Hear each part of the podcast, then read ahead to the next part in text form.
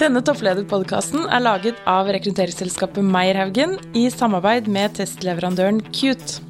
Hva er ditt beste tips for å lykkes med work-life balance? For, for, det første så har jeg ikke alltid en work-life balance som jeg er veldig fornøyd med. Men det som har vært viktig for meg, det er at og som jeg tror er et godt råd, det å ha et liv. altså Ha et ambisiøst privatliv. Ha, ha, forpliktelser utenom. Det har jo hjulpet for meg. Så når jeg begynte i BCG, så var kona mi Asta gravid. Og det har satt noen rammer rundt BCG-karrieren min som har vært veldig sunne.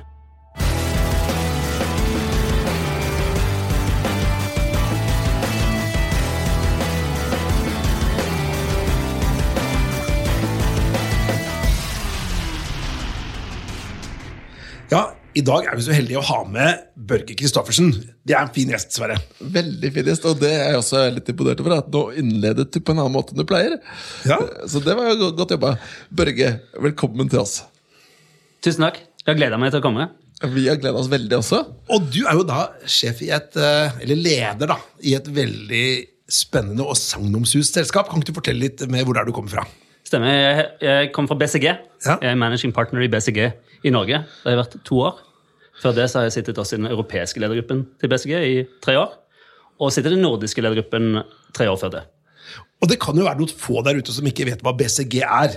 Kan ikke du bare veldig kort fortelle hva er disse bokstavene står for, og hva, hvem er dere? BCG, Boston Consulting Group, som starta for 50 år siden i, i Boston. Nå har vi 90 kontorer i 50 land. Et av de kontorene er i Oslo i Norge. Det vi gjør, er management consulting, strategisk management consulting. Så typisk vår oppdrag er da et speilbilde av det som står på agendaen hos de viktigste selskapene i alle disse landene i verden. Og en veldig spennende, spennende jobb for veldig mange, vet vi. Et attraktivt sted å jobbe. Og, og det er jo det, det er, ikke sant? Men, men er det mest sånn ikke sant, Når du sier management consulting, er det, er det sånn high level strategi? altså la oss si at det, Hvis et stort børsnotert selskap i Norge da, sliter litt med lønnsomhet eller sliter litt med marked eller distrupsjon, så kan de hyre inn dere for eksempel, og se hvordan skal vi måte, ta den nye tiden, hvordan skal vi få liksom, tallene til å bli eh, positive igjen. Der kan dere komme inn.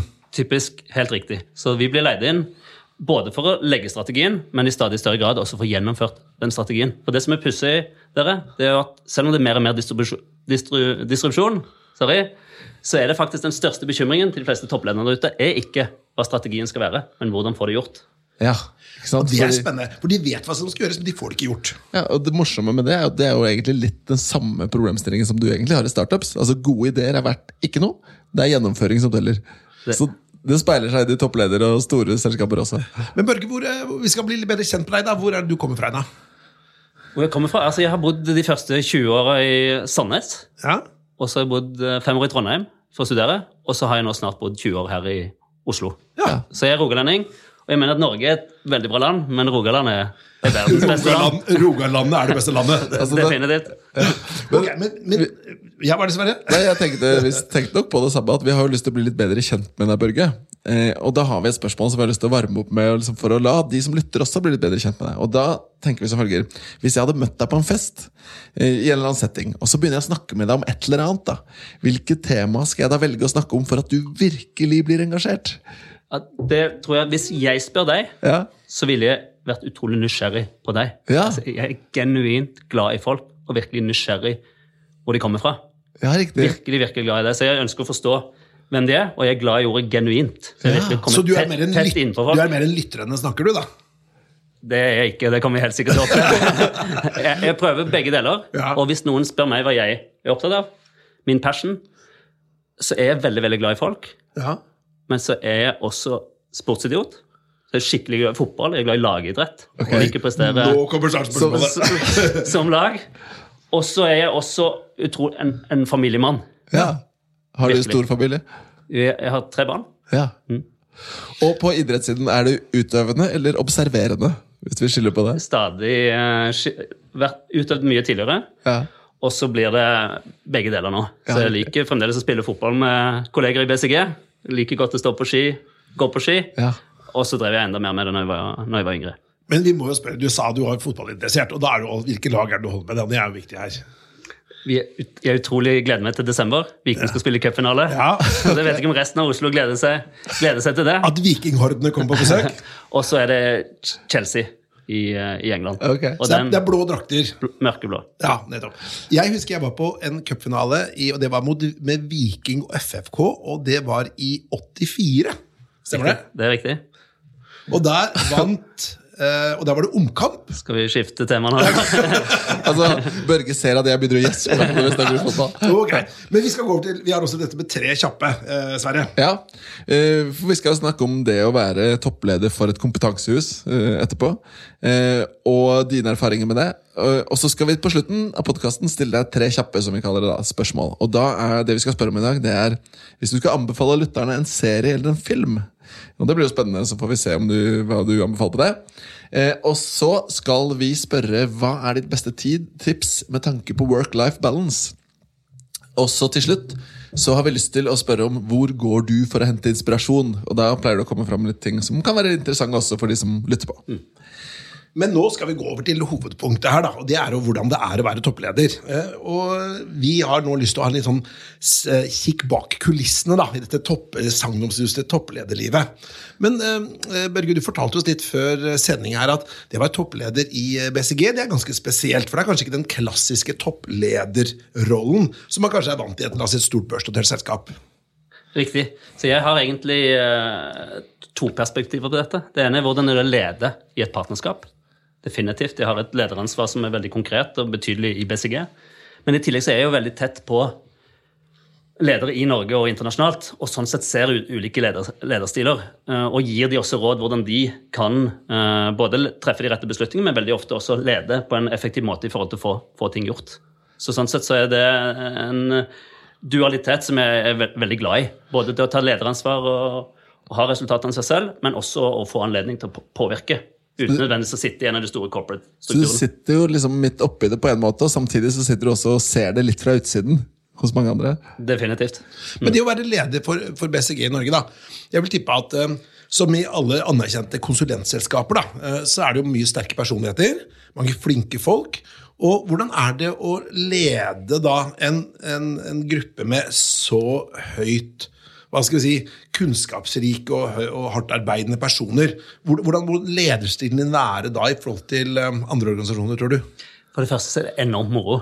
De som er i BCG, de er bare der for de vil være der. Vi er fantastisk heldige med, med de som er hele veien opp til partnergruppen. Og så tror jeg de fleste som leder i et partnerskap, at det er litt som å gjete katter. Det var morsomt, for det var akkurat det jeg skulle spørre om. Er det som gjete Katter? Og da svarte du egentlig på det før jeg spurte. Det, det kan være det. Og så er det noen ting som gjør det enklere. For det første så gjør det enklere med, for jeg har en enorm passion for å lede. Jeg har virkelig lyst til å lede i tillegg til å gjøre håndverket mitt, som er dagjobben som, som eh, rådgiver. Det gjør det enklere. Og i tillegg til det så er det veldig, veldig sterke verdier. Sterke verdier i, i vårt selskap som gjør at selv om man er ganske forskjellig på, på, på hvem man er og hvor man kommer fra, så er det, er det så utrolig godt innpenslet hva som er viktig, og, og også masse strukturer for å sørge for at folk drar i samme retning, selv om de egentlig driver veldig forskjellige, forskjellige eh, type typer rådgivning, også i ganske forskjellige bransjer, så kommer folk sammen om, om de verdiene våre, og den, de, basert på de insentivene som er der. Men i hvor stor grad kan du, hvis man tenker sånn gammel klassisk lederskap, da, si at du gjør sånn. Har du noen gang, liksom, selv om de ikke har til har du noen gang sagt det i, i BCG, da, at du som bare liksom, omtrent kommanderte noen? Eller, eller flyr det ganske dårlig i et sånt miljø? Jeg flyr nok ganske dårlig sånn i forhold til mange andre steder. Jeg tror det også er en lederstil som ikke alltid er så effektiv i, i andre strukturer heller. Men, men klart her så er det noen deler, også på internagendaen, i forhold til hvordan vi rekrutterer, hvordan vi bygger team, hvordan vi får fremme. Der har jeg et veldig stort mandat. Ja. Også ute hos kundene så er det sånn at folk, folk eh, fokuserer på den type business eller den type kunder som de vil sjøl. Og er veldig, vi er helt avhengig av at de gjør det på en måte som, som vi som selskap kan stå inne for. Og det, det stoler vi på. Det er ingen, ingen problem. Og, og Der la jeg merke til en ting du sa også. Det er fordi du er jo nå leder, leder for Norgeskontoret, som er hvor stort? Hvor mange er det? Vi er nærmere 150 stykker. Og, og del av og BCG Worldwide er jo enda større. Vi passerte akkurat 20 000. 20 000. Og BCG er stort. altså Vi Ja. har også en omsetning på rundt 70 milliarder. Så dette er en, en global kunnskapsbedrift på 70, som omsetter for 70 milliarder. Ja. Og, og du, her, du er leder for Norgeskontoret, men du er også ute og leverer. Du er også konsulent. Definitivt. Så jeg bruker rundt 60% av tiden min på, sammen med, med kunder. Og så bruker jeg da et par, par dager i uka snitt på, på lederjobben og lederjobbene mine. Men er ikke det fryktelig krevende? Jeg tror det å jobbe i BCG er, er krevende. Eh, Men eh, dette dreier seg om prioritering. Eh, Så når jeg bruker relativt sett mer tid på ledelse internt, så bruker jeg litt mindre tid ute i markedet enn det jeg ellers ville gjort. Og så, jeg- så syns ikke jeg kombinasjonen av disse to er krevende. Jeg syns det er vanvittig givende å få lov å gjøre begge deler. Ja, ikke sant? Og så har dere flytta inn et veldig flott, uh, flotte nye kontorer. Uh, jeg har vært på besøk der. Det er veldig flott her. Ja, altså vi legger mye i de ansatte, for dette er jo Vi har ikke noe annet enn folka våre. Og, og sånn sett er at de har et lokale som, som er bra, er en av de tingene som er viktig. Det er lange dager til dels, så det, og vi er utrolig fornøyd med det. Og det er også et ganske annen type lokale enn jeg tror de fleste andre her i. her i byen har. Og jeg må spørre om en ting, for jeg har jo jobbet i nærheten av Slottsparken og gått gjennom Slottsparken tidlig i morgener, og da hender det jeg støter på en gjeng med folk som løper rundt og trener sånn klokken seks på morgenen. sånt. Og det er BCG-konsulenter, vet jeg. Er du liksom med i den gjengen der sånn tidlig på morgenen? Det Nei, det er jeg ikke. Så da, jeg, jeg står tidlig opp, men da liker jeg å lage frokost til barna mine. Ja. Og kona mi, hvis hun klarer å, klarer å komme seg opp. Men en person som jobbet i Norges Bank da Jeg var rekrutteringssjef i Norges Bank før, og da var det en Sebrina. Hun jobbet i Norges Bank. Og hun vet jeg jobber hos dere nå. Eh, Yes. På, og hun er en var fantastisk flink eh, i banken. Da, så jeg husker jeg var referanse for henne. Når, da var det dere ringte meg opp da, du, og spurte hvor mm, bra hun var. Og det kunne igjen være de beste anbefalinger. Men jeg tenkte vi skulle gå nå over til denne der distribusjonen av din bransje. Ikke sant? Vi har denne med high end consultancy. da. Eh, og som hva skal jeg si, hvordan har, hvordan har skiftet vært der? La oss si, hvordan var det for 15 år siden? Hvordan er det i dag? Og hva tror du kommer til å skje de nærmeste årene innen din bransje i forhold til distribusjon? Hvis du går 15 år tilbake, og i forhold til i dag, eh, og i hvert fall inntil nylig, så tror jeg den største endringen var at vi, i hvert fall i vår, vårt selskap, i all hovedsak eh, satt, litt som jeg var inne på tidligere, satt og ga strategiske råd og la igjen en PowerPoint-rapport. Det som har vært et stort skifte, er jo at disse kundene våre helt, helt riktig forventer både at vi har gode anbefalinger i den rapporten, at vi har virkelig eh, tenkt på hvordan dette skal bli gjort, og at det er reelt sett eierskap til det vi anbefaler. At du rett og slett får, får, får ting gjort, og at man lever av verdien av det som blir gjennomført, ikke hvor gode rådene er, i- seg selv. Det har vært et stort, stort skifte også i, også i vårt segment. Og vi tar gjerne og også forplikt, forplikter oss og, og legger både vår fis inn i at dette faktisk blir gjennomført. Så det er et stort skifte. Hvis du ser hva som har skjedd de siste par årene, og også som kommer til å drive bransjen fremover, både tror jeg i forhold til etterspørsel, jeg tror ikke dette nødvendigvis er negativt, men at det er en annen type consulting som skjer nå, så er det jo teknologi. Så det er klart at det, det, er den, det er den store endringen. Og her har vi gjort store grep de siste par årene for å virkelig være relevante og kunne drive enda mer verdi enn det vi gjorde uten den type kompetanse. Jeg vet at dere ansatte Melleby, hun er jo kjempeflink. Riktig. Så, så jeg vet at dere satser veldig på teknologi nå, da. Ja, Helt riktig. Så hvis du sier at, hvis du tenker en, en tidsreise her, har det vært for at før så ga dere bare et råd. Om de fulgte rådet eller ikke, så spilte det ikke en rolle. Nå er kun- kundene deres mer opptatt av at de, de skal også implementere rådet. Ja. Og så er det da mot teknologi. Bra. Og kanskje noen ord om teknologi, fordi det Hvis du ser disse 20 000 ansatte som vi er, eh, hvem er de? Og hvem er det vi har ansatt de siste to årene? Eh, og ofte så sier man i at det tar en, en generasjon ski- skifte It takes a generation. Men en generasjon i forhold til ansatte, så mye som vi ansetter rundt omkring, vi vi har ganske store, og vi flytter oss ganske kjapt. Så bare i Norden og så har vi eh, ansatt 70 teknologer. Virkelig ikke tradisjonell management consulting siste halvannet året. Eh, En stor andel av de ca. 500 eh, vi, vi er på konsulentsiden i, i Norden. Eh, I globalt så er det et par tusen ansatte av de 20 000 igjen, som er type data science, IT-arkitekter.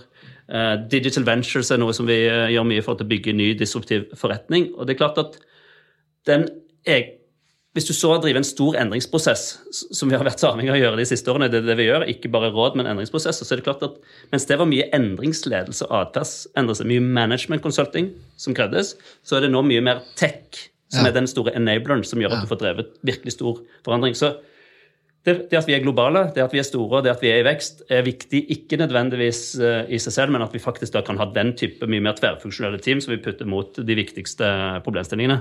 Og det er utrolig moro. Og det er jo det du beskriver nå, er jo, som du helt sikkert vet, ekst- det er også litt krevende. Fordi det er jo et vanskelig marked på teknologiprofiler. Eh, Det jeg var litt nysgjerrig på er, Du sitter jo som rådgiver for mange store bedrifter inn i disse prosessene. Hvor ofte ser du at mangel på talent er liksom flaskehalsen på å få til det man vil? Jeg tror det er igjen i forhold til å få ting gjort, som er den største bekymringen. Hvem skal så gjøre det? Har, har vi rett og slett benken som kan jobbe på en annen måte? Så jeg, jeg tror definitivt det å skaffe riktig talent, altså ny type talent, er viktig. Viktigere tror jeg at de som man tiltrekker seg, at de virkelig føler at de får noe gjort.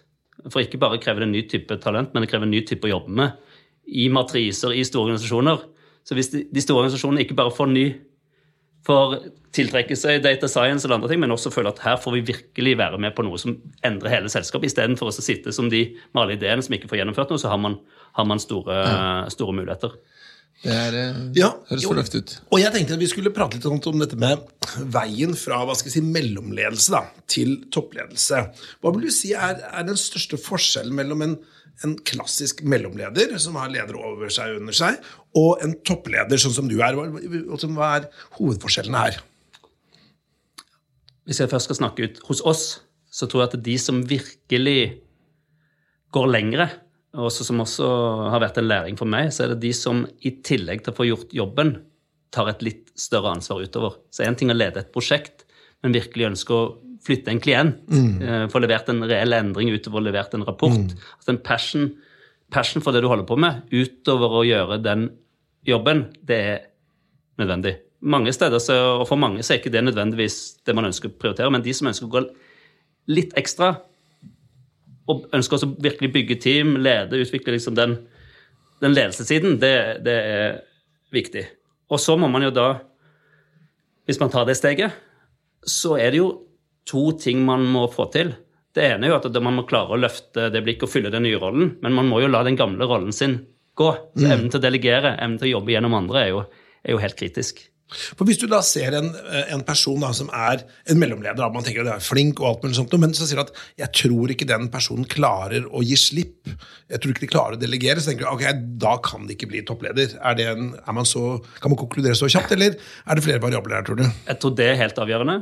I tillegg så er det sånn at kompleksiteten øker. Altså breddekompetansen, perspektivet, evnen til å tenke, se det fra ulike sider. Også. Og, og der er vi litt forskjellige. Noen er veldig gode og glade i å fokusere på én ting hele tiden, mens andre syns nettopp det er den helheten og det å få, få det hele orkesteret til å spille sammen er viktig. Og det er en egenskap som er ganske forskjellig i forhold til å være både mellomleder eller prosjektleder eller hva man er i forhold til en toppleder. Men når du er ute og har konsulentoppdrag, da, og du prater med noen i, topp, si, i børsnoterte selskaper, så tenker du ah, her er det en person som egentlig burde vært fortsatt å være mellomleder, og har egentlig ikke så mye å gjøre som toppleder. og Det er derfor de sliter med å få gjennomføring. Har du tenkt det noen gang? Jeg har nok tenkt at her er det Jeg ser store forskjeller. Ja. Og jeg har tenkt at det å være virkelig toppleder kan være litt ensomt. Og du gjør det kanskje for første gang. Eh, Så om jeg ville gå så langt og si at de burde vært mellomleder ikke, men at de trenger hjelp Ja. eh, fra kolleger, fra styret sitt, det er ganske tydelig. Mens andre er veldig veldig trygge i rollen. Og det kan være ensomt der oppe, for- for oss alle, meg inkludert. Så det å gjøre det de første månedene, første årene, er noe helt annet enn det hvert som man er try- trygg i rollen sin. Men og det er jo interessant når du sier ikke sant, kanskje de trenger hjelp. Eh, la oss ta en liten prat. Hva slags type hjelp? Eh, en ideell toppledergruppe, hvordan ser den ut? Som også den støttespillerne til toppledere. Hva trenger en god toppleder? Jeg tror at uh, altså, man trenger litt ulik, ulike typer. Så man trenger spisskompetanse. Hvis eh, det, den, denne gruppen av ledere, hvis det virkelig skal bli en, en ledergruppe som tilfellet er, så er det viktig at det, det er mangfold der. Og så er det den andre dimensjonen. Det er jo at de stoler på hverandre og vet hva de andre vet, og også hva de ikke vet sjøl. Altså, så det å sette sammen en, en ledergruppe som både er mangfoldig nok, men som fungerer sammen, det er en, det er en stor, stor utfordring. Eh, Og da tror jeg at dette ofte dreier seg å investere i, i teamet litt utenom saksbehandling, og virkelig bruke tid sammen, er, er, er kritisk. Å få denne stemningen, denne tilliten i gruppa, er, er, er eksepsjonelt viktig. da. Og du som får energi av folk, da, det må jo være et, eh, et stort pre for deg, da. Jeg syns det er jobb, artig å sitte i ledergrupper. Jeg syns det er artig å lede grupper, fordi jeg er skikkelig nysgjerrig og glad i, glad i folk. Så sånn sett er det iallfall noe som gir meg, meg noe. Jeg tror nok de fleste som har sett, sett meg i aksjon, vil si at det, det merker de. De merker at han har energi og trygg, trygg i rollen og tror på det vi gjør. Vi merker jo det i studio her også. Ja, det er veldig morsomt, fordi, fordi de, de lytterne kan jo ikke se kroppsspråk her nå, men det er veldig morsomt å se. Og jeg tror vi har funnet det vi skal snakke om Her har fest. vi den i ja, men du, er veldig interessant. ja, jeg tenkte eh, Nå har vi vært igjennom eh, Ja, jeg, syns vi har vært igjennom det, det skulle gå litt på, på personlighet. Ja, la oss snakke litt om personlighet. Og du har jo for det første, ja, du har jo sett mange toppledere eh, der ute, og sittet tett på dem. Hva tror du trengs av type personlighetstrekk da, for å lykkes og ikke minst trives som toppleder? Er Et stort spørsmål. Ja. Det er klart dette med dømmekraft er viktig. Ja. Altså, det disse topplederne gjør, er jo å ta, ta store beslutninger. Så den evnen til å vite når man skal si ja, men også når man må si kanskje, og, og, og tro og tvil, og det å være trygg der, det tror, tror jeg er viktig. Jeg tror selvfølgelig også at um, at ledelse det er en kombinasjon av å virkelig ku- kunne forretningen, Ja. så det å ha forretningsforståelse, kunne forretning, men samtidig disse ledelsesegenskapene, virkelig motivasjon og lagbygging er, er, er, er viktig. Så, tror, så sånn sett så er det, sammensatt. Jeg tror ikke det fins én Men du skal ta viktige beslutninger. Det er den jobben som bare ligger hos deg. Og så skal du til, bygge en organisasjon som, som, som virkelig går ut der og virkelig vinner i, vinner i konkurransen og, og, og evner å liksom flytte, flytte seg som lag, få ting gjort. Det er Ja. kjempeviktig. Men en ting som er viktig her, sånn som med personlighet da. Vi, vi har jo da uh, forhørt oss litt med testleverandøren Kut, da, som er et samarbeid på denne, denne podkasten.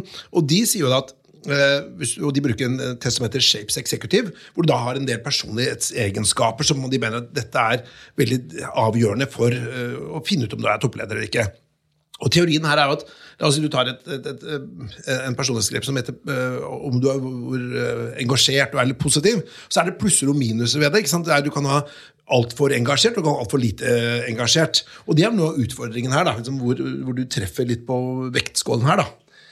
Og hvis vi på, hvis vi tar eh, fra denne testen, da, så er det noen egenskaper som kan være interessant å høre, hva, høre liksom hvordan du reflekterer rundt. da. For eksempel så er det en av aksene som, eh, som er med, som de, man ser på som liksom relevant. Det, det, den heter behersket. Altså evnen til å liksom stay calm in stress og i, i når, når det stormer som verst. da. Hva tenker du om den egenskapen inni en eh, sånn type rolle? Godt, godt spørsmål. Behersket Jeg tror det er viktig.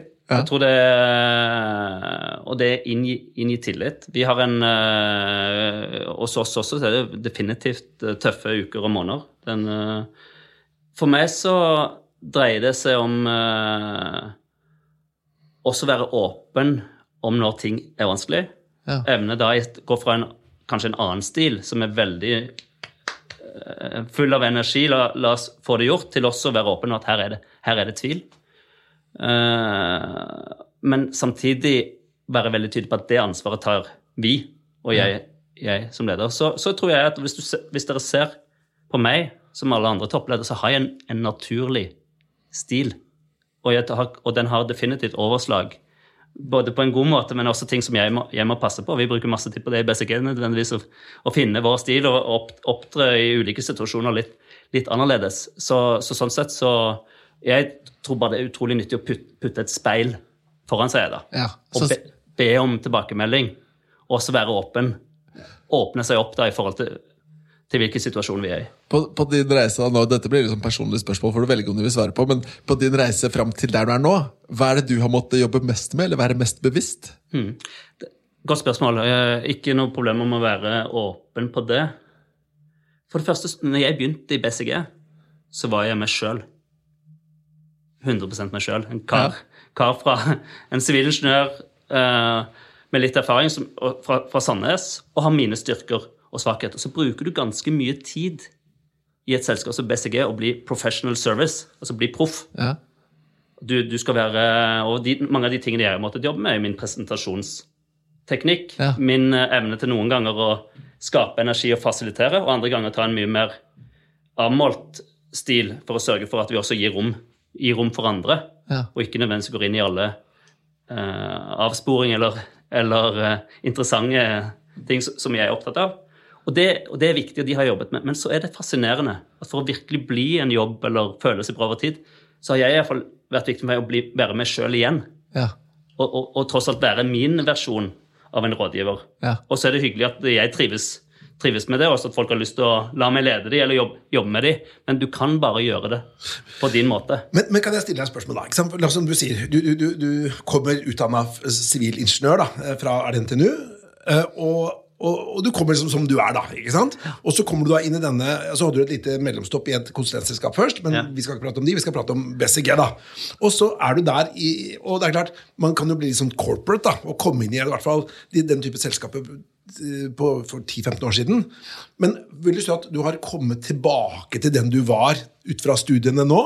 Eller har du liksom blitt en annen, mer corporate versjon, men det også er deg selv? Jeg har nok blitt en, i fall i jobbsammenheng, en litt proffere versjon av meg selv. Men, men definitivt, jeg er litt tilbake i meg sjøl. Det å være toppleder er krevende.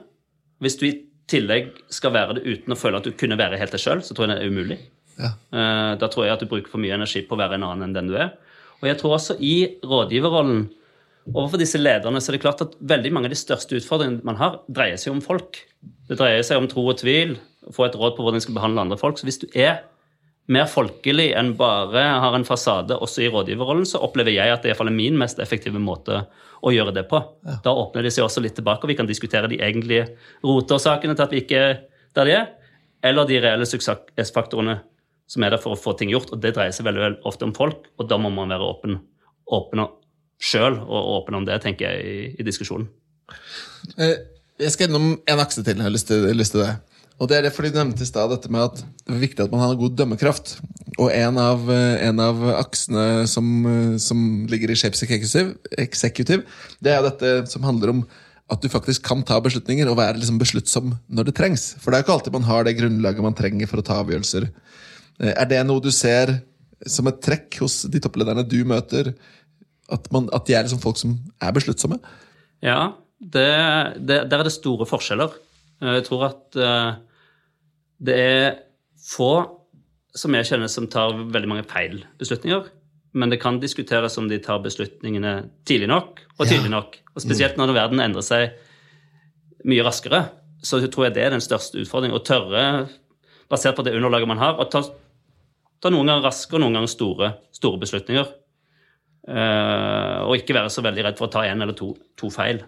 Det, er veldig, det synes jeg er en veldig interessant refleksjon. At uh, Dette med å ta de beslutningene tidlig nok. da. Ja, for det, for det du sa innledningsvis, at noen av de rådene dere gir, er jo at folk vet hva de skal gjøre. Ikke sant? Altså Strategien er der, men det handler om å, å gjennomføre strategien og gjøre den tidlig nok. Eh, der er det som er problemet. Og det er kanskje et godt råd da, til folk som eh, lytter på podkasten Det vår. er et godt råd til oss også. Ja. Ja, det er det sikkert. Men, mens vi er inne på beslutninger, jeg har et oppfølgingsspørsmål. For din del, da. Hva er den vanskeligste lederbeslutningen du har tatt? I, hos oss så er de um, vanskeligste beslutningene ofte knytta til seg gode kolleger som du har jobbet lenge med, og der vi eventuelt finner ut at nå skal vi gå hver, hver til vårt. Det er de klart vanskeligste. Og BCG er mer enn en eh, jobb for de fleste av oss, og det innebærer at vi bruker mye tid sammen på jobb. Mange av oss bruker også er gode, nære venner privat. Og så er det sånn at uh, hos oss, som også mange andre steder, så er det så, så, så tar vi noen ganger noen vanskelige personalbeslutninger, og de syns jeg er vanskelige. Ja. Ja. Det har jeg full forståelse for. Siste spørsmål i den delen. altså, uh, Gamle spørsmål. Uh, kan, man, kan man som toppleder lede hva som helst? Det, det tror ikke jeg. Det er to dimensjoner på det. Det ene er at hver og en av oss kan stort sett bare lede bra det vi virkelig brenner for. Så det er det ene. Eh, og, det andre er, mer, er mer teknisk. Eh, det er rett og slett at nå er Det skjer så mye.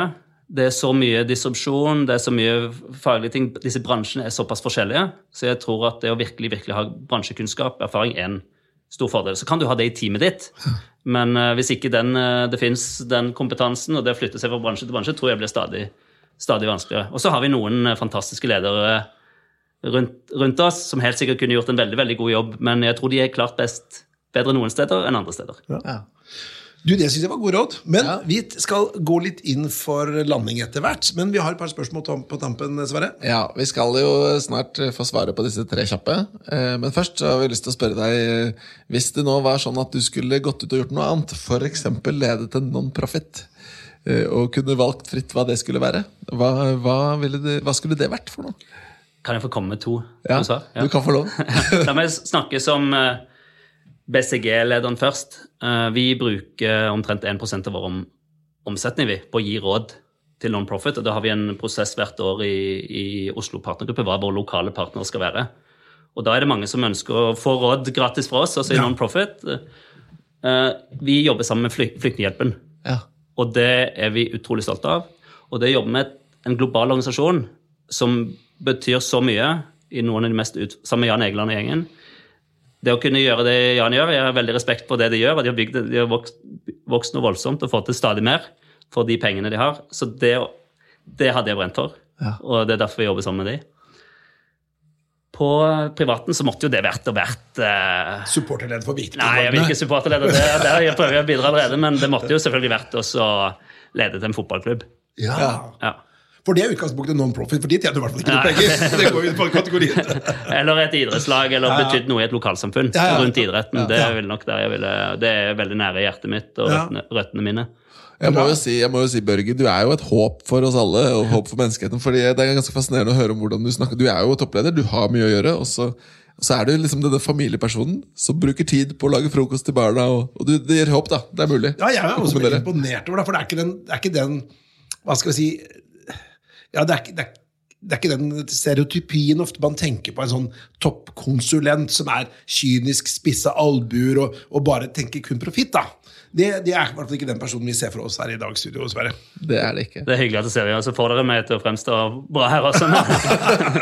Men, men nå, får vi Nå se, kjappe, nå, nå får vi se hvor godt du kommer ut på de tre kjappe. Fordi nå skal vi først høre hvis du skulle anbefale lytterne våre en serie eller en film.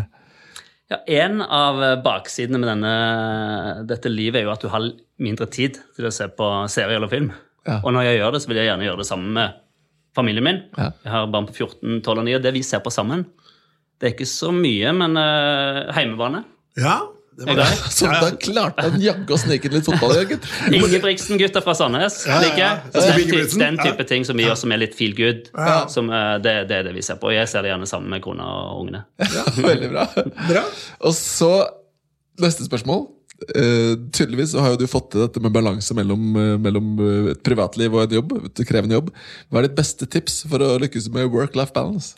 Ja, for, for det første så har jeg ikke alltid en work-life balance som jeg er veldig fornøyd med. Men det som har vært viktig for meg, det er at og som jeg tror er et godt råd, det å ha et liv. Altså ha et ambisiøst privatliv. Ha, ha forpliktelser utenom. Det har jo hjulpet for meg. Så når jeg begynte i BCG, så var kona mi Asta gravid.